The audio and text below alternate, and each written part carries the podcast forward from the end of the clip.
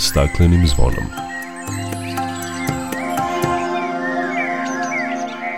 Dobar dan i dobrodošli na zeleni talas prvog programa radija Radio Televizije Vojvodina. Ja sam Dragana Ratković. Petrovaradinska tvrđava nedavno je proslavila 331. rođendan. Nekako istovremeno u medijima je objavljeno da ovom kulturnom i istorijskom dobru, simbolu Novog Sada, preti urušavanje zbog invazivnog kiselog drveta. Govorit ćemo o flori Petrovaradinske tvrđave, invazivnim vrstama i kako se boriti protiv njih. Govorit ćemo i o značaju šumskih zaštitnih pojaseva za područje Vojvodine, o kojima je bilo reči na skupovima u Kuli, Temerinu i Vršcu.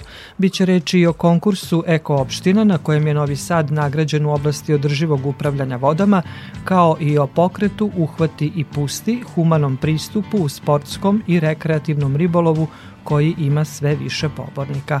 O svemu više nakon pozdravne pesme. Dok priroda kraj nas plače Za vladarskim svojim tronom Tužno vele narikače Pod staklenim smo zvonom Znaj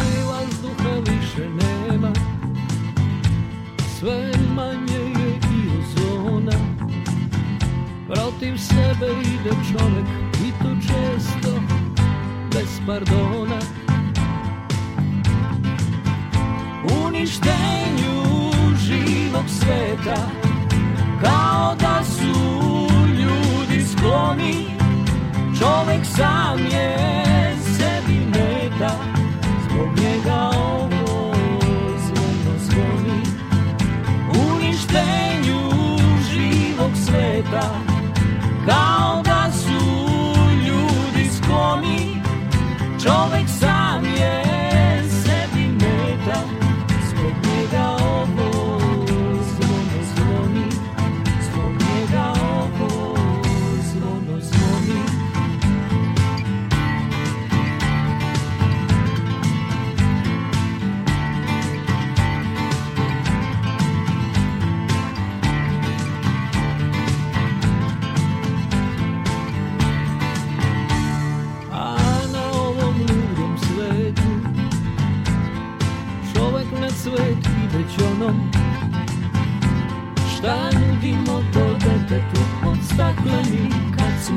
smo zvonom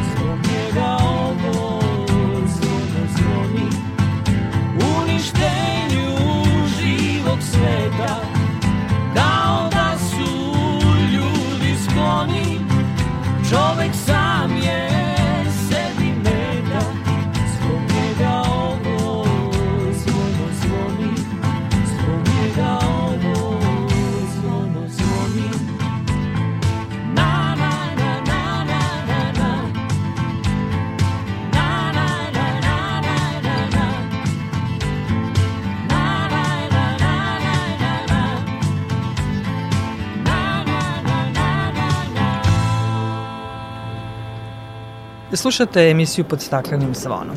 18. oktobra Petrovaradinska tvrđava je proslavila 331. rođendan. Nekako istovremeno su se pojavili naslovi i prilozi u medijima da ovom kulturnom, istorijskom i prirodnom dobru preti urušavanje zbog jedne invazivne vrste, a to je kiselo drvo o flori Petrovaradinske tvrđave, invazivnim vrstama i kako se boriti protiv njih, a da je na uništimo razgovaram sa mojom gošćom Milicom Rat sa Departmana za biologiju i ekologiju Prirodno-matematičkog fakulteta. Milice, dobrodošli na Talas Radio Novog Sada. Bolje vas našla. Milice, nedavno je održan drugi simpozijum, treći vek e, botanike u Vojvodini i negde počevši od 18. veka na području Vojvodine postoje pisani zapisi o sistematskom radu na uproučavanju flore upravo na ovom području. Jeste. Petrovaradinska tvrđava ima zaštitu kao kulturno-istorijsko nasledđe. Nije još uvek prepoznata kao prirodno nasledđe u tom, tom nekom smislu, ali ono čega smo svi svesni da kada odemo na tvrđavu, kada se prošetamo, je da tamo postoji izuzetno lep diverzitet biljaka. Meni kao botaničaru i, i mojoj grupi je bilo zapravo interesantno kada smo tokom više godina istraživanja došli do zaključka da je Petrovaradinska tvrđava zajedno sa Petrovaradinom i Sremskim Karlovcima najduže istraživano botaničko područje u Srbiji, što je zaista onako fantastično i da mi od 18. veka imamo, kao što ste rekli već podatke, sakupljene, mnogo važnije sačuvane u herbaru. Tako da možemo da stvarno da se uverimo šta je to nekada živelo, a šta danas možemo da pronađemo ovde. Stena i padine na kojima je izgrađena ova tvrđava su zapravo najvredniji njen deo, i tu se mogu pronaći mnoge vrste koje su vrlo specifične kada posmatramo recimo šire područje grada Novog Sada, ali i neko šire područje naše okoline, sad recimo Fruška gora i slično. I upravo ta mesta su mesta koja obogaćuju našu floru Novog Sada i predstavljaju posebnu prirodnu vrednost koju ova tvrđava zapravo ima, a o kojoj malo govorimo. Pored biljaka koje postoje na ovim prostorima, vremenom sunete i neke druge biljke sa drugih nekih područja koje su postale invazivne, koliko one utiču na floru Petrovaradinske tvrđave? Invazivne biljke kao deo te grupe invazivnih organizama imaju najnegativniju osobinu kada upravo utiču negativno na drugu i floru i faunu. Sa te strane kiselo drvo je stvarno s razlogom okarakterisano kao jedno od najinvazivnijih biljaka u Evropi, zato što sa jedne strane sprečava druge biljke da rastu, a istovremeno svojim prisustvom i uticajem na zemljište utiče negativno i na faunu koja se u zemljištu nalazi, koja je svakako ugrožena mnogim drugim faktorima, a onda dodatno bude potisnuta od strane kiselog drveta. Međutim, ono što je dodatno važno kod kiselog drveta jeste taj njegov negativan uticaj i na okolinu u smislu da može vrlo lako, i to smo se svi uverili videli, da raste iz betona, iz stena, iz crepa, iz bedema, znači sa, iz bilo kog prostora gde ima makar malo zemlje, da može da crpi neku vodu iz zemljišta, kiselo drvo će da izraste. I onda sad dobijamo to jedan neki ovako višestruki efekat, negativan uticaj na biodiverzitet i negativan uticaj na infrastrukturu u naseljenim mestima. Departman za biologiju i ekologiju godinama radi istraživanja flore Petrovaradinske tvrđave. Od pre nekoliko godina ponovo imate projekte Da, naš fakultet je dobio projekte i sad smo već u trećem ciklusu istraživanja. Grad Novi Sad, Gradska uprava za zaštitu životne sredine finansira ove projekat i prepoznali su ovaj projekat kao nešto što je dovoljno važno da možemo da radimo u kontinuitetu. Prva godina nam je bila zapravo negde pregledna, gde smo želeli samo da vidimo kakvo je stanje i da počnemo na neki način da sistematizujemo prethodne godine. Tad smo i došli do tih saznanja da je neophodno da svu prethodnu staru literaturu na jedno mesto objedinimo kao i herbarske podatke i sad u ovoj trećoj godini negde nam je cilj da proučavamo floru na ovim bedimima, da zapravo imamo mnogo detaljnije podatke i da to uradimo sistematično. Pre svega možemo da kažemo da je tvrđava zapravo vrlo bogata biljkama, ima preko 300 zabeleženih biljnih vrsta. S obzirom da mi nismo radili terenska detaljna istraživanja, ovaj broj može čak i da poraste ukoliko budemo imali priliku da prođemo celu tvrđavu detaljno. Sa druge strane smo shvatili da postoje neke vrste koje su vrlo interesantne, koje ne možemo da nađemo u samom gradu, pa su tim pre ljudima izuzetno lepe Tako da ima ta posebna prirodna vrednost, što bismo rekli. Može da ima i taj neki status prirodnog dobra.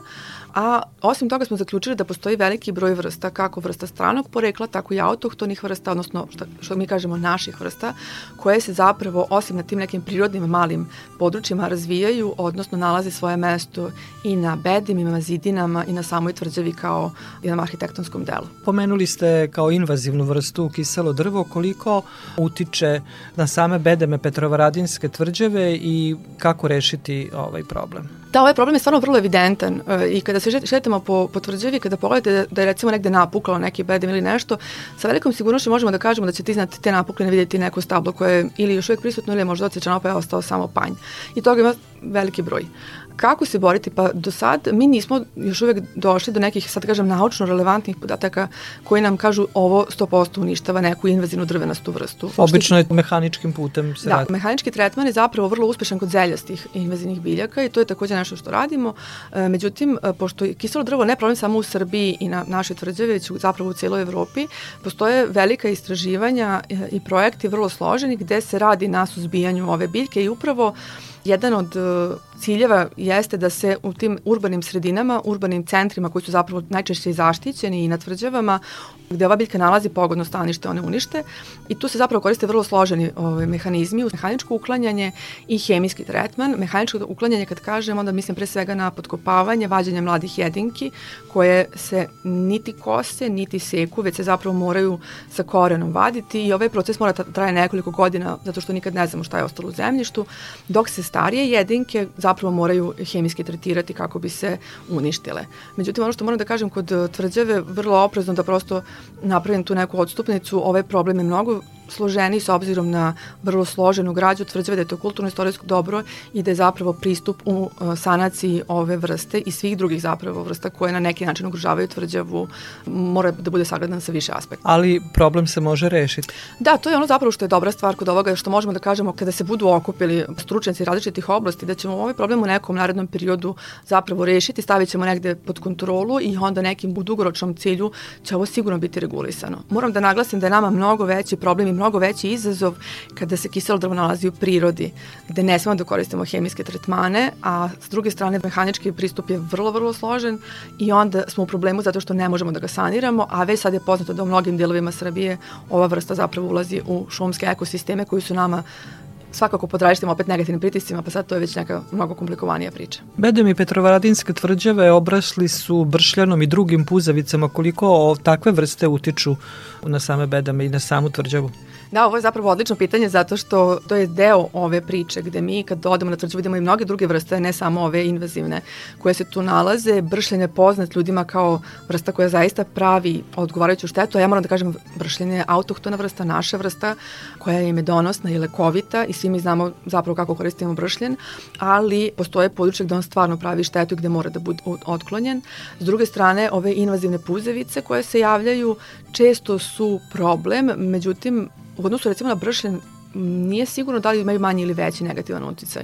Ono što je problem kod ovih puzevica koje se javljaju na tvrđavi invazivnih jeste što je tvrđava blisko povezana sa petrojanskim ritom koji ima međunarodnu zaštitu i problem nastupa u momentu kada ove puzevice sa tvrđave nađu prostor, odnosno put do rita i onda u petrojanskom ritu konkretno sad u ovom slučaju napravi izuzetno veliki problem. I zbog toga su urbana područja mesta gde treba najviše ulagati u sanaciju invazivnih vrsta, jer su to zapravo mesto da se invazivne vrste šire u našu prirodu. Ovo je bila informacija koja je mnoge zainteresovala zbog toga što želimo da očuvamo ovo kulturno istorijsko i evo u ovom slučaju i prirodno dobro, ali mnogi novosađani čekaju da na Petrovaradinskoj tvrđavi imamo botaničku baštu. Dakle, ideja koja je stara više od pola veka počela je pre dve godine nekako konkretnije da se realizuje. Dokle se stiglo? Sad opet moram da kažem da je ovo stvarno jedna, za nas botaničara je stvarno fantastična vest i neverovatno smo bili, ja mislim, svi onako ushićeni kada smo čuli da je grad Novi Sad pokrenuo ovu inicijativu. Ja moram da kažem da nisam lično uključena u projekat izgradnje i planiranja botaničke bašte u Novom Sadu, ali naravno da mi o tome razgovaramo, jer je to nešto što je nama vrlo interesantno. Kažu stručnjaci da nema bolje lokacije u Novom Sadu od Petrovaradinske tvrđave za botaničku baštu. Suštinski zapravo da, zato što ono što je uvek osnova za botaničku baštu jeste kvalitet zemljišta na kom će da se podigne neki prostor. Nismo svesni toga ili barem ljudi to prenebegavaju da razmišljaju o tome da u Novom Sadu imate mnoga područja gde su slatine, novo naselje recimo kompletno gotovo na slatinama izgrađeno, imamo limane i telepe koji su nekada bili močvarni, pa sad imamo te česte poplave koje mislim, imaju zapravo prirodno objašnjenje, a tvrđava se stvarno nalazi na, što bi rekli, strateški izuzetno dobrom položaju i samim tim je dobro, dobro mesto za botaničku baštu. Ono što mogu da kažem da, da je neki pravac u planiranju botaničke bašte jeste da tu bude zapravo centar upravo autohtonih biljaka i centar gde će se naši prirodni ekosistemi zapravo prikazati. I time će zapravo botanička bašta upravo imati tu neku svrhu za koju, što jeste primarna svrha botaničkih bašta, da edukuje i pomogne u obrazovanju kako đaka, učenika, studenta, tako i gra građana. Tako da ja se stvarno iskreno nadam da će u skorije vreme zapravo taj neki plan, jer smo ovde, ovde smo zapravo videli da je i pored nekih možda kašenja koja su i bila primećena u medijima, zapravo vrlo proaktivno se radi na ovoj ideji. Tako da nadam se da negde u budućnosti možemo da očekujemo da ćemo imati jednu lepu botaničku baštu koja će biti samo malo manja nego botanička bašta u Beogradu. Ovo će biti druga botanička bašta zapravo tog tipa u Srbiji, a gde ćemo imati na jednom mestu zapravo ne prikazan biljni svet celog sveta, već pre svega biljni svet Srbije. I, I to je nešto po čemu ja mislim da će ova botanička bašta biti vrlo specifična i našim građanima mnogo interesantno. Da, čekamo da se ta ideja i realizuje, a ove probleme koje sada imamo na Petrovaradinskoj tvrđavi za 331. rođendan skrenuta je pažnja na neke probleme, nadamo se da će ti problemi konačno doći u centar pažnje stručne javnosti i biti rešen jer zaista svi želimo da očuvamo tvrđavu po kojoj je Novi Sad i poznat. Jeste, tvrđava je stvarno postala simbol ne samo Novog Sada, nego reći ću slobodno iz Srbije. Ono što bih ja volila da kažem da je jako važno da naglasimo da problem invazivnih vrsta nije postojao do pre nekih 40 godina. Mi nismo toga bili niti svesni, niti je to imalo ove razmere. Tako da ovo današnje istraživanje koje mi sprovodimo i sad svi ti projekti koji se i dešavaju i koji su sad negde, da kažem, u toku da se dešavaju, su prosto naša promena u razmišljanju o nekim biljnim vrstama. Ne sme se nikako usmeriti negativan govor prema jednoj grupi, niti naučnika, niti preduzeća, s obzirom da mi stvarno nismo bili svesni ovoga, nismo to znali, ali evo, pozitivna stvar je što mi danas imamo svest o tome, što smo deo Evropske unije, iako nismo članica, i što možemo da iskoristimo ova iskustva koja mi svake godine sa njima razmenjujemo na ovom problemu i da možemo kažemo slobodno pravovremeno reagujemo i kako zapravo nauka i najjednostavnije te čiste naučne činjenice mogu da pomognu i treba da pomažu u ovim projektima. Mogu i treba da pomažu. Milice, hvala vam lepo za razgovor i učešće u programu Radio Novog Hvala Sada. vama. and within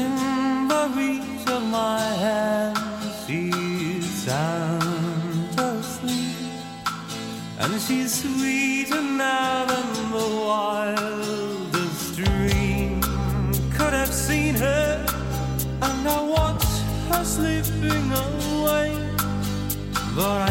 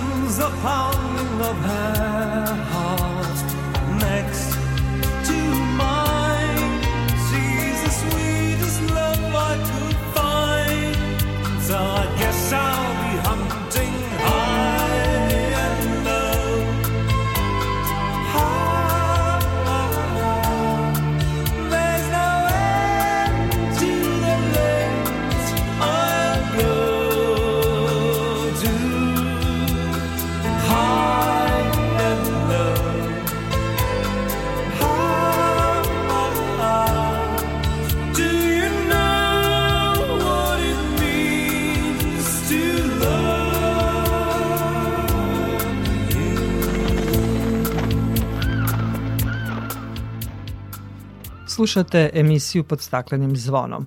U Kuli, Vršcu i Temerinu organizovani su okrugli stolovi o značaju šumskih zaštitnih pojaseva za područje Vojvodine. Okrugli sto je deo projekta Šuma zove na akciju koji realizuje pokret Gorana Novog Sada sa još tri člana mreže Pošumimo Vojvodinu. Ekološkim pokretom Vrbasa, Ruralnim centrom Sova i udruženjem Dečija ekološka akademija u Novom Sadu. Tim povodom gošća Radio Novog Sada bila je Dušica Milenković iz pokreta Gorana Novog Sada. Godinama pričamo o tome kako je Vojvodina najmanje pošumljena regija u Evropi, ali i kako nedostaju e, površine da se posade šume, ali u tu svrhu mogu da se sade i bili bi od velike koristi i šumski zaštitni pojasevi. Da li je to jedan od način da podignemo više zelenila u Vojvodini? Jeste, to je jedan od načina. Ne možemo samo podizanjem pojaseva podići i pošumljenost Vojvodine, ali na skupovima koje smo održavali prethodne dve godine, koje su okupljale eminentne stručnjake i sve relevantne institucije sa područja Srbije, koje se bave temom šumovitosti su na prethodnim skupovima koje smo organizovali izdvojili kao jedan od dobrih metoda podizanje šumskih zaštitnih pojaseva. Razlog tome je to što je Vojvodina agrarno područje i vrlo je važno da ono što se posadi i poseje da preživi i da dobije rod, a znamo kakvi su vetrovi i kolika postoji velika elska erozija upravo zbog tih vetrova koji dolaze, tako da su ovi pojasevi ujedno i barijera koja smanjuje uticaj vetra na zemljište, smanjuje i sušivanje, smanjuje odnošenje onoga što je posejano, čuva taj humus koji je dragocen, koji se teško stvara i teško održava, povećava broj životinja i raznovrsnost e, biljaka i životinja, ali i njihovu brojnost time što pruža stanište različitim vrstama, a znamo da bez biološke raznovrsnosti nema ni oprašivanja. To su sve dobri razlozi zbog kojih je važno imati pojaseve u Vojvodini. Ono što je problem u tome, to je da je teško odvojiti prostor za podizanje pojaseva zbog nerazumevanja koliki je njihov značaj, koja je uloga. Zbog toga smo upravo i organizovali ove okrugle stolove. Da li su okrugli stolovi organizovani upravo u onim opštinama koje imaju manji e, procenat šumovitosti? To su opštine Kula, e, Vršac i, i Temerin? E, da, Kula i Temerin izuzetno loše stoje sa zelenilom, a Vršac ima Vršačku planinu, ali sve okolo su polja bez šuma, tako da je i za njih ovo bilo dragoceno. Bilo je važno da sednu zajedno i predstavnici lokalne samouprave i vlasnici poljoprivrednog zemljišta i civilne organizacije i da se a to smo, ja mislim, i uspeli, da se vidi koji su sve tu izazovi, da se vidi koje jer nam je mnogo pomogao predstavnik pokrinjskog sekretarijata za poljoprivredu, šumarstvo i vodoprivredu Milan Rebić, koji je davao konkretne instrukcije i konkretne postupke kako pripremiti dokumentaciju, ko može da konkuriše, koja su sredstva na raspolaganju, koji su rokovi za dostavljanje svega toga. Tako da nekako su uspele da se uspostave veze između onih koji treba da pokrenu inicijativu, onih koji treba da se založe za ovaj podizanje pojaseva i mislim da će se malo pokrenuti stvar u tom smeru. Vršac je dobar primer uh, u Vojvodini jer je on već komasacijom predvideo površine za podizanje pojaseva. To još uvek nije počelo da se realizuje, ali dokumentacija je spremna. Dakle, postoje problemi u samim lokalnim samoupravama da odrede površine koje su predviđene za podizanje šumskih zaštitnih e, pojaseva, ali pokrajinski sekretarijat za poljoprivredu, vodoprivredu i šumarstvo svake godine raspisuje konkurs upravo za pošumljavanje, podizanje zaštitnih šumskih pojaseva, ali dešava se da one opštine koje imaju najmanji procenat šumovitosti uopšte ni ne konkurišu. Da, ne konkurišu zbog toga što svojim planovima nemaju predviđeno podizanje pojaseva, a to je uslov za konkurisanje. Problem je u tome što su to opštine sa kvalitetnim zemljištem koje se lakše izdaje za podizanje ratarskih kultura i potrebna je vizija onih koji rade u lokalnim samoupravama da bi shvatili da će pojas koji podignu za nekoliko godina i desetina godina biti dragocen. To nisu rezultati koji se mogu vidjeti posle jedne godine i zbog toga je teško i objasniti i shvatiti važnost toga. To je problem i zbog toga ne konkurišu, ne zbog toga što ne umeju da popune ovaj obrazac, nego zbog toga što nedostaje dokumentacija i što se javne površine nisu namenile za te namene. A da li su ovakvi okrugli stolovi, ovakvi skupovi koje organizuje mreža Pošumimo Vojvodinu upravo neki vid pomoći lokalnim samoupravama da dođu do rešenja i da se malo više angažuju kako bi povećali šumovitost na svoje teritoriji? Jeste, to je i bio cilj, zbog toga smo i pozivali i trudili se da oni prisustuju da se uspostavi saradnja, da se razume da su svi na istom zadatku i da imaju želju da se to poboljša, ali da svako treba da da svoj e, doprinos u svemu. Civilne organizacije da pokrenu, da daju inicijativu, lokalne samouprave da to predvide, postoje rokovi do koga oni moraju da isplaniraju šta će sa svojim površinama koje su u njihovom posedu, a zatim da odgovore na vreme na konkurse i pribave svu dokumentaciju koja je potrebna kako bi dobili sredstva koje mogu biti data samo za površine koje su namenjene za to, za koje se zna ko je vlasnik i ko će to održavati. Jesen je pravo vreme za sadnju, kako vi u pokretu Gorana kažete. Kakve su aktivnosti planirane za ovu jesen? Ove jeseni, baš u okviru ovog projekta Šuma zove na akciju koju podržava Švedska preko programa Ekosistem koji sprovode mladi istraživači Srbije, planirano je da se podigne baš jedan pravi pojas po svim pravilima struke i mi smo upravo na terenu, gledamo gde bi to moglo na površini Vojvodine da se digne, e, gde postoje uslovi, gde postoji odluka o tome da e, može tu da se postavi pojas i da ga niko neće dirati, a takođe i da postoji mogućnost da se on održava i da preživi uh, i hladnoću i vrućine i da bude sačuvan za sledeću godinu. Tako da do kraja novembra, dokle traje projekat, bit će podignut taj pojas. Nadam se da će biti uspešno izvedena akcija i da će on stvarno uh, kroz nekoliko godina pokazati svoju pravu funkciju. Možda i neki poziv lokalnim samoupravama koje ne znaju kako da reše svoj problem, možda mogu da vas pozovu i da, ovaj, da se organizuje neki skup kako bi dobili potrebne informacije šta je sve potrebno uraditi, koju dokumentaciju pribaviti kako bi oni na svojoj teritoriji podigli e, šumske zaštitne pojasave ili povećali šumovitost e, na svoje teritoriji. Da, mi smo uvek na raspolaganju. Dušice, hvala lepo za razgovor i učešću u programu Radio Novog Sada. Hvala i vama.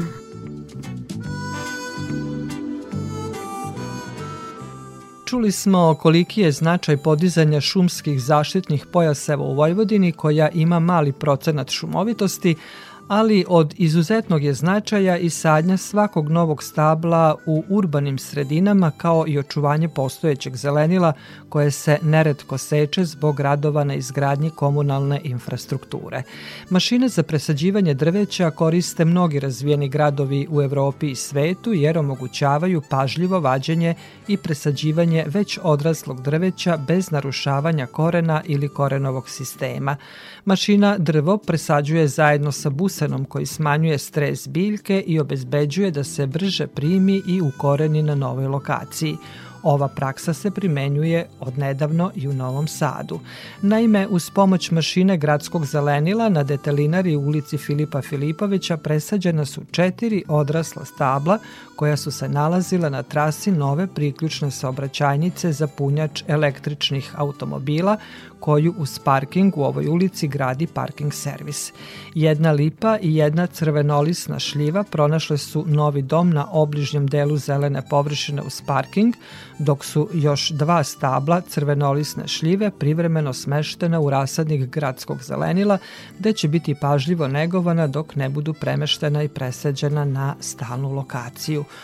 Ovo je primer kako bi gradske službe trebalo da rade na očuvanju zelenila u našem gradu.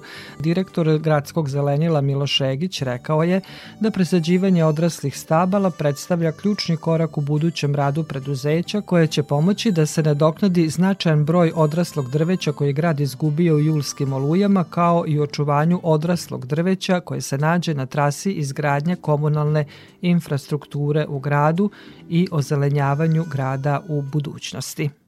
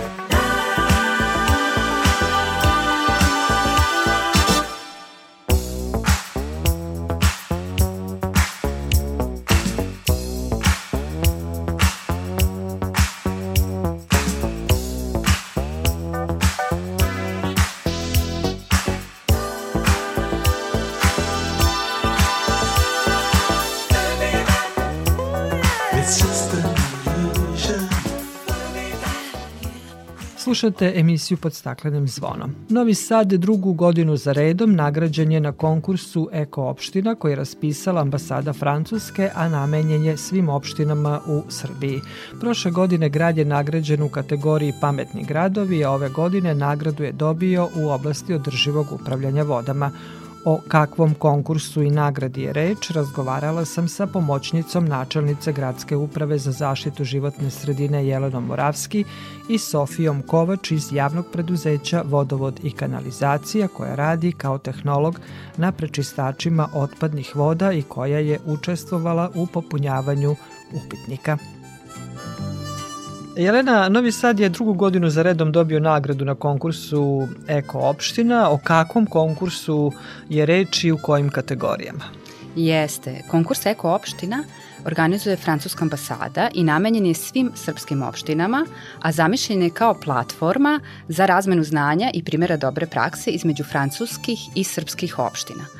Prošle godine je bilo prvi put da je ovakav konkurs organizovan i grad Novi Sad se prijavio u svim kategorijama i osvojio nagradu za kategoriju Pametni grad. Ove godine, poučeni iskustvom da je veoma korisno osvojiti nagradu preko ovog konkursa, smo se opet prijavili u svim kategorijama i e, dobili smo nagradu u kategoriji ovaj put upravljanje vodama. Ovaj konkurs se bazira na popunjavanju upitnika gde se sve aktivnosti koje se odvijaju u gradu Novom Sadu unose u taj upitnik.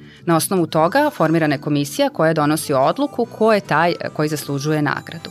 Moram samo napomenuti da ova nagrada se dodeljuje za svaku kategoriju postoje dve nagrade, za manje opštine do 30.000 stanovnika i za veću opštinu ili u ovom slučaju grad preko 30.000 stanovnika. Samo da napomenem, Gradska uprava za zaštitu životne sredine jeste objedinila ove e, formulare i poslala, ali mi to naravno da ne bi mogli popuniti sve sami bez pomoći naših kolega, tako da generalno zahvalnost za ovu nagradu ne možemo baš mi samo preuzeti, nego naše kolege iz vodovoda i kanalizacije koji su mahom popunili većinu u stvari e, formulara i dali većinu informacija za ovu oblast ovaj put. Sofija, mnogi su se iznenadili kada su čuli da je grad Novi Sad dobio nagradu u kategoriji održivo upravljanje vodama, misleći pri tome da Novi Sad nema prečistač otpadnih voda, ali prilikom konkurisanja uzimaju se sve aktivnosti javno-komunalnog preduzeća. Koje su aktivnosti doprinele da Novi Sad dobije ovu nagradu? Manje više su sva javna komunalna preduzeća učestvovala u ovom konkursu. Svako je dao svoj doprinos. Vodovod i kanalizacija se fokusirala na korišćenje vode za piće, kako pronalazimo havarije, rešavanje havarija, odnosi sa javnošću, da konstantno podsjećamo ovaj, stanovništvo da treba da se voda štedi, da treba da se koristi svrsishodno, da se ne zalivaju bašte tokom letnjih perioda, ali takođe smo stavili jako bitan fokus na prečišćavanje otpadnih voda i na čuvanje kanalizacionih sistema i kako treba da se odnosi prema tim otpadnim vodama, da to u suštini nisu otpadne vode, nego mogući potencijalni resursi. Tako da su to bile onako ključni momenti, ja mislim, zbog kojih smo dobili ovu nagradu. Rekoh da ste vi tehnolog na prečistačima otpadnih voda, imate iskustvo u monitoringu i biološko-hemijskim analizama. Novi Sad nema prečistač otpadnih voda, ali nekoliko okolnih mesta na teritoriji grada ima. Jeste, imamo prečistač u Stepanovićevu, u Rumenci koji je klasičan SBR i imamo u Kovilju koji je IKEA SBR prečistač. Begeč je još uvek u fazi probnog rada, završena je konstrukcija, ali još nismo potvrdili efikasnost samog postrojenja i onda kad se potvrdi efikasnost samog postrojenja, onda vodovod i kanalizacija može da ga preuzme na upravljanje. Takođe, trenutno je u fazi e, nadogradnje u Rumenci, tako da će se on proširiti, pa će otpadne vode sa kisačama mogu biti preusmerene na Rumenku i ostalo je još da se izgradi prečistač u Čeneju, ali bi trebalo još e, ta dva prečistača da dobijemo pored centralnog koji se nadam da će biti što pre. Recite kako oni funkcionišu? U suštini ta tehnologija se zasniva na šaržnoj preradi vode. Znači sva voda koja nam stiže, koja je otpadna, mi je stavljamo u jedan veliki bazen, aerišemo je, takođe imamo i proces denitrifikacije i onda tako prečišćena voda se sedimentira, stvara se jedan biološki mulj koji je apsolutno zlata za preradu svih nečistoća i onda dobijamo u suštini prerađenu vodu, a kao nus produkt je taj aktivni mulj koji se još uvek ove godine samo dehidrira i stavlja se na deponiju, ali se nadamo da će u buduće moći da se koristi kao još jedan dodatni resurs za različite svrhe. Sad sve zavisi od toga kako kvaliteta dobijemo mulj. Dobili smo sada i zakonodavni okvir za korišćenje Jeste, mulja konačno. kao sirovine. Svima nama koji se bavimo ovim poslom vidimo da je taj mulj u suštini sirovina koja može da se koristi da li na primjer u agrokulturi da zameni određeno đubrište zato što su ovi muljevi kad se pravi na primjer sa manjih naselja kao što je Stepanovićevo izuzetno bogati sa azotom i fosforom u suštini sa đubrivom koje se koristi u agrokulturi, ali ukoliko je malo više zagađen i ukoliko ne želimo da ga stavljamo na naša poljoprivredna zemljišta, onda ga možemo koristiti u hortikulturi i može da zameni apsolutno sve aditive koje se koriste na nivou grada, primjer u našem gradskom zelenilu, ili onda ide dalje po stepenima zagađenosti ili prisustvima različitih nus proizvoda ili, na primjer, teških metala, može se gledati da se koristi u građevini, to je kad je baš onako najviše zagađen ili ukoliko imamo malo više organske materije gde stabilizacija nije moguće do kraja, može da se koristi na primjer za produkciju biogasa. A takođe imamo primjer u Budimpešti imaju sličan prečistač koji uspeva preko te produkcije biogasa da obuhvati sebi 90% potrebe za energijom na godišnjem nivou, što je baš onako fenomenalno što se tiče ekologije. Da, pomenuli ste prečistač e, otpadnih voda u Stepanovićevu. Koliko mi je poznato, voda koja izlazi iz prečistača je po kvalitetu prve kategorije. Da, iako ona nije dizajniran, on je dizajniran da proizvodi uh, prečišćenu vodu druge kategorije, kao što je naša gradska Dunavska voda, ali zahvaljujući jel, da našem timu mi smo uspeli u određenim periodima da dobijemo prvi stepen klase čistoće vode, znači da pastramka može da pliva u njoj, da odmah može da se koristi i za rekreaciju, za kupanje, zato što smo uspeli ne samo da spustimo kompletno organska zagađenja, azot, fosfor, nego i mikrobiološka zagađenja, tako da to više uopšte nije zarazna voda. I takođe prerada mikroplastike, to smo uspeli da spustimo kao i za teške metale koji su se skroz zadržali u tom aktivnom mulju, nisu više išli u životnu sredinu. Tako da smo tu bili jako ponosni na uspeh koji smo postigli. Verovatno su to sve činjenice koje su doprinele da Novi Sad dobije ovu nagradu u kategoriji održivo upravljanje vodama, ali ono što sve nas zanima, imate jedno iskustvo u nekoliko mesta kada je reč o radu prečistača otpadnih voda. Nadam se da će to biti dobra podloga za ovaj naš glavni prečistač u Novom Sadu koji svi očekujemo. I ja se nadam s tim što je problem sa ovim prečistačima, čim se menja tip tehnologije, mora se učiti sve iz početka. Po nekim pričama, kako smo čuli, zbog ograničenog prostora, nismo sigurni da li će to biti SBR tip, kakav već postoji kod nas u opštini, ili će biti klasičan tip kao što postoji u Subotici. I jedna i druga tehnologija ima svoje prednosti i mane, pa ćemo videti onda na čemu ćemo na kraju završiti, ali sam sigurna da će stručan tim u vašoj vodovodoj kanalizaciji moći da se pozabavi sa svakim problemom na koji možemo da nađemo. Grad Novi Sad je osvojio nagradu u kategoriji održivo upravljanje vodama, a nagrada je studijsko putovanje u Francusku, dakle usvajanje novih znanja, odnosno razmena znanja i iskustava da nešto možda pokupimo i primenimo ovde kod nas. Jeste, ja se jako nadam da ćemo biti što veći broj prečistača sa različitim tehnologijama, jer dok smo savladali klasičan SBR, i to do maksimuma što se mene tiče. I KS, SBR i klasična tehnologija je još malo neuhvatljiva za nas i bilo bi jako dobro kad bismo učili od nekoga ko već dugogodišnje ima iskustva sa time, pa onda da ukrademo što više znanja moguće. Mm -hmm. Jelena, šta uopšte ove nagrade i prošlogodišnja i ove godine znači za održivi razvoj grada? Ja mislim da je to povezivanje između gradova, opština, saznanje. U, tokom ovog konkursa se organizuju seminari. Na tim seminarama se pridolaze ljudi iz cele Srbije. Samim tim već tu imamo saradnju sa drugim opštinama, gradovima. A posle, kao nagrađeni, naravno imamo saradnju i sa francuskim opštinama. Tako da mislim da je jako bitna ta saradnja, uspostavljanje kontakta, komunikacija, vidljivost onoga što mi radimo, mi evo tu iznosimo neke podatke šta se radi, njihova pomoć i savetodavna u smislu šta bi to što možemo da unapredimo. Nagrada je u stvari znanje koje će biti stečeno i nadamo se posle primenjeno. Da. Prilagođeno naravno našim uslovima i primenjeno. Pretpostavljam da pripremate se i za sledeću godinu, za sledeći konkurs, u kojim kategorijama ćete se kandidovati? Naravno, mi svake godine se kandidujemo u svim kategorijama, ali nažalost možemo da ovo osvojimo nagradu u samo u jednoj. Ono što bi ja volela i što čekam da osvojimo nagradu u upravljanju otpadom, a ovaj, ove godine znam da smo pohvaljeni jako iz održive mobilnosti. Nismo mogli da dobijemo dve nagrade, ali kažu da zamalo da smo i tu dobili. Što se tiče ovaj mobilnosti, tu donekle, opet se pretpličamo Gradska uprava za saobraćaj i mi, znate svi verovatno za našu akciju dodela biciklova, subvencije građanima od 12.000 koje svake godine ovaj, pre je bilo 10.000, sad je ove godine povećano 12.000, dodeljujemo građanima, uskoro će nam biti na sajmu Novosadskom ekologije koje evo možemo da najavimo 1. i 2. novembra će biti, biće e, organizovana dodela biciklova najboljim učenicama osnovnih i srednjih škola, pa vas pozivamo svakako svi da obiđete i ovaj taj sajam ekologije i u isto vreme će se održavati i dani energetike gde smo takođe mi prisutni. Jelena i Sofija, hvala vam za razgovor i učešću u programu Radio Novog Sada. Hvala vama. Hvala što ste me pozvali.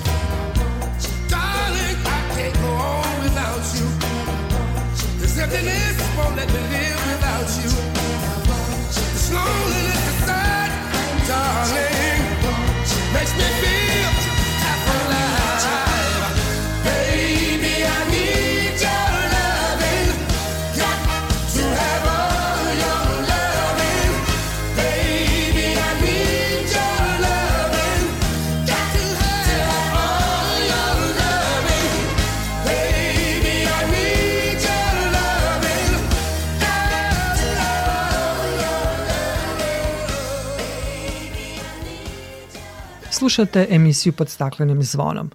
Uhvati i pusti je humani pristup sportskom i rekreativnom ribolovu koji ima sve više pobornika. Ovaj pokret usmeren je na očuvanje postojećeg biodiverziteta i ribljeg fonda uopšte, a podrazumeva vraćanje ulovljene ribe u vodu kao i humano postupanje sa ulovljenom ribom. Više o tome Vlado Matijević. Počeci ovog pokreta u ribolovu datiraju još od pre 40 godina. Prvi su počeli da ga upražnjavaju sportski ribolovci koji su ulovljenu ribu čuvanu u čuvarkama pod vodom nakon vaganja vraćali u vodu. Na otvorenim vodotocima prvi ribolovci koji su pribegavali ovoj humanoj praksi bili su takozvani mušičari, čija tehnika je najprirodnija uz korištenje veštačkih mušica na udicama bez kontrakukice, sa kojih se riba brzo i lako oslobađa. Današnji komercijalni šaranski ribolov takođe ima ovu praksu da ulovljenu ribu nakon vaganja i fotografisanja bezbedno vrate nazad u vodu. Danas postoje i humane čuvarke u kojima se riba ne oštećuje. O tome nam je nešto rekao sportski i rekreativni ribolovac iz Novog Sada, Peđa Jovanović, poznati kao Brka. Da, u suštini polako ljudi prihvataju korišćenje tih humanih mreža koje su od finih materijala, tanki koji ne oštećuju ribu, znači sve manje, možda stariji pecaroši koriste još one čelične čuvarke, ali to je sve, sve više i više odlazi u, u istoriju, što se kaže. Ljudi masovno sve više i više vraćaju ulov nazad, eventualno uslikaju na kraju ovaj, ulova. Ja lično čak u 90% tih treninga ili rekreativnih izlazaka na vodu ni ne spuštam čuvarku, baš iz tog razloga, zato što ne želim da, da mučim ribu. Svaka riba ide na, na meredov da se ne bi dešavalo cepanje usne i ošteće, oštećenje ribe. Nedavno smo pričali o alohtonim ili uvezenim vrstama riba koje su svojim prisustvom uglavnom pokazale invazivnost i loš uticaj na autohtone vrste. Zakon kazuje da smo u obavezi da te invazivne ribe kada ih ulovimo ne vraćamo u vodu. Većina pecaroša to i radi, ali neke od njih su interesantne za pecanje pa im se ponekad pokloni život. Brka nam je izneo svoje mišljenje o tome. Iskreno, američkog somića mislim da redko ko vraća u vodu. Mislim, čak ni ja lično. Riba koja se toliko razmnožava i toliko problema pravi da ovaj, mislim da je onako malo i omražena u, u, u svetu ribolova, a babuški ili meleza, kako ja volim da je zovem, koja mi je jedna od omiljenih riba, prema njoj sa maksimalno poštovanja, iako je i on onako invazivan i da prezasiti vodu, divan je za pecanje po meni. Naš sagovornik navodi da se u humani pristup ubrajaju i razne alatke vadilice koje pomažu da se gotovo bezbolno riba oslobodi udice svi ljudi sa kojima ja pecam i s kojima sam u kontaktu koriste vadilice i, i što zbog brzine, ako dođe do, do dubljeg ogutanja udice ili dublje kačenja, što zbog brzine od kačenjanja, što zbog čuvanja naravno svake ribe koliko god moguće. Šta se u pomenutom savremenom šaranskom ribolovu koristi od pomagala koja su sastavni deo principa uhvati i pusti, naš sagovornik kaže. Na tim revirima i na, na komercijalnim jezerima gde se peca šaran, to je znači isključivo catch and release, na takmičenjima se puštaju čuvarku naravno zbog merenja, čak krupniji primerci se stavljaju u takozvane sakove ili u čarape, da kažemo, novi da budu odvojeni, da sudija čim može da priđe, da ga izmere i da ga vrate odmah u vodu. Svaka riba, apsolutno, naravno, mora ići na meredov, ide u kadicu ili na podmetač, kvasi se vodom, prilikom vađenja udice pod obavezno, bez kontre, se čak prska lek da bi rana brže zarasla, tako da se denzifikuje u suštini i mislim to je po, po pravilniku revira, i, ali verujem i da pravi ljubitelji ribolova bi i, sami ovaj, se tako ponašali. Pitali smo Peđu da li se upražnjavanjem ovog pristupa makar u naznakama vidi revitalizacija ribljeg fonda, kao i to da se bolje gazdovanje vodama, efikasnija ribočuvarska služba i poribljavanje takođe primećuje na ulovima lepših primjeraka riba. Pa ove godine konkretno me kod Neoplante i na pločama iza prevodnice u Novom Sadu iznenadilo prisustvo šarana. kod neoplante sitnijeg, na, na, na pločama bude onako da iznenadi neki od kilo, kilo i nešto, na, što je na, na kavezu, na feeder, stvarno prijatno iznenađenje. Ovaj, a kod neoplante su se počeli pojavljivati ti sitniji primjerci šarana, Mislim da ove godine gotovo ne mogu da se setim da sam da sam imao tih šarančića sitnih, tako da očigledno se tu nešto pozitivno dešava. Sad, da li je, da li je tu pojačana kontrola ili, ili je samo to pristup catch and release doprineo, ali primećujem čekamo još linja kada se pojavi. Što mogu da primetim je da baš u ovom periodu, sada jesenjem, se, se često počnu ovaj, pojavljivati krupniji primerci deverike, znači pričam od primercima od kilu, pa možda čak i do dve. Od e, ribočuvara smo čuli da su došli do saznanja da se povećao fond krupnih deverika, znači pričamo te od preko kilo do, do, do, do, do 2 kilograma i da, da su čak imali, da kažemo, lepe primere linjaka u, u tom kotronom izlovu. Da li je neka migracija ili, ili se revitalizovala riba, nisam, nisam siguran šta je razlog, ali eto počele pored deverike da se javlja, da se javlja i melez. Tako da možemo zaključiti da, da sigurno veliki uticaj ima i taj catch and release pristup, dosta, dosta ribolovaca ili automatski odmah vraća ribu ili, ili iz tih humanih čuvarki vraćaju u lov nakon slikanja i završenog ribolova vraćaju ribu u vodu. Da ovaj humani pokret uzima maha potvrđuje nam i Peđa Jovanović koji je gotovo svaki vikend na vodi. Uhvati i pusti, uhvati slika i pusti, uhvati izvaga i pusti, uhvati poljubi i pusti. Koji god od ovih primjera da primenjujemo u vlastitom pristupu rekreativnom ribolovu, dobro je. Naravno da možemo poneku ribu poneti kući, onoliko koliko nam je dovoljno da obradujemo članove svoje porodice ili prijatelje. Apelujemo da se krupnje ribe koje su matični primjerci i veoma bitni za dalju reprodukciju takođe puste da se izmreste, da bi i naša deca u budućnosti imala šta da pecaju. Nama za uspomenu ostaju fotografije sa takvim kapitalnim ribama i sećanje na taj dan proveden u kontaktu sa prirodom i nadmetanju sa njenim vodenim stanovnicima. Toliko u ovom izdanju emisije pod staklenim zvonom koju možete slušati i odloženo na podcastu Radio Televizije Vojvodine na adresi rtv.rs. Emisiju realizovali Katalina Debeljački, Maja Tomas i Dragana Ratković. Naredni susret zakazujemo za sedam dana u isto vreme na zelenom talasu prvog programa radija Radio Televizije Vojvodine. What would you do if I sang out of tune? Would you stand up and walk out on me? Lend me your ears and I'll sing you a song. I will try not to sing out of key. Yeah.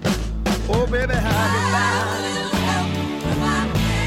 All I need is my brother. I say I'm gonna get high.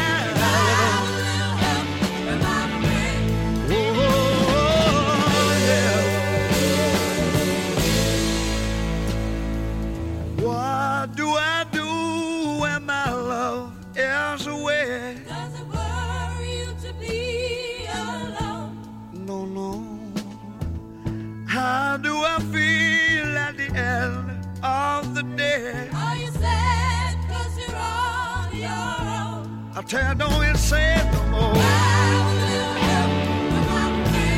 Gonna get by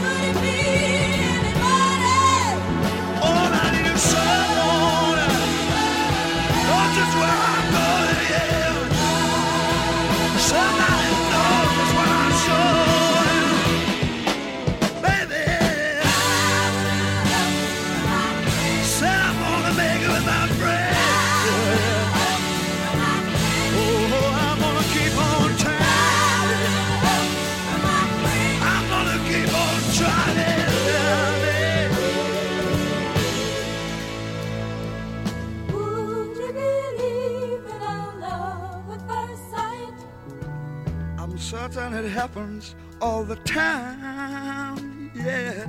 What do you see when you turn out the light?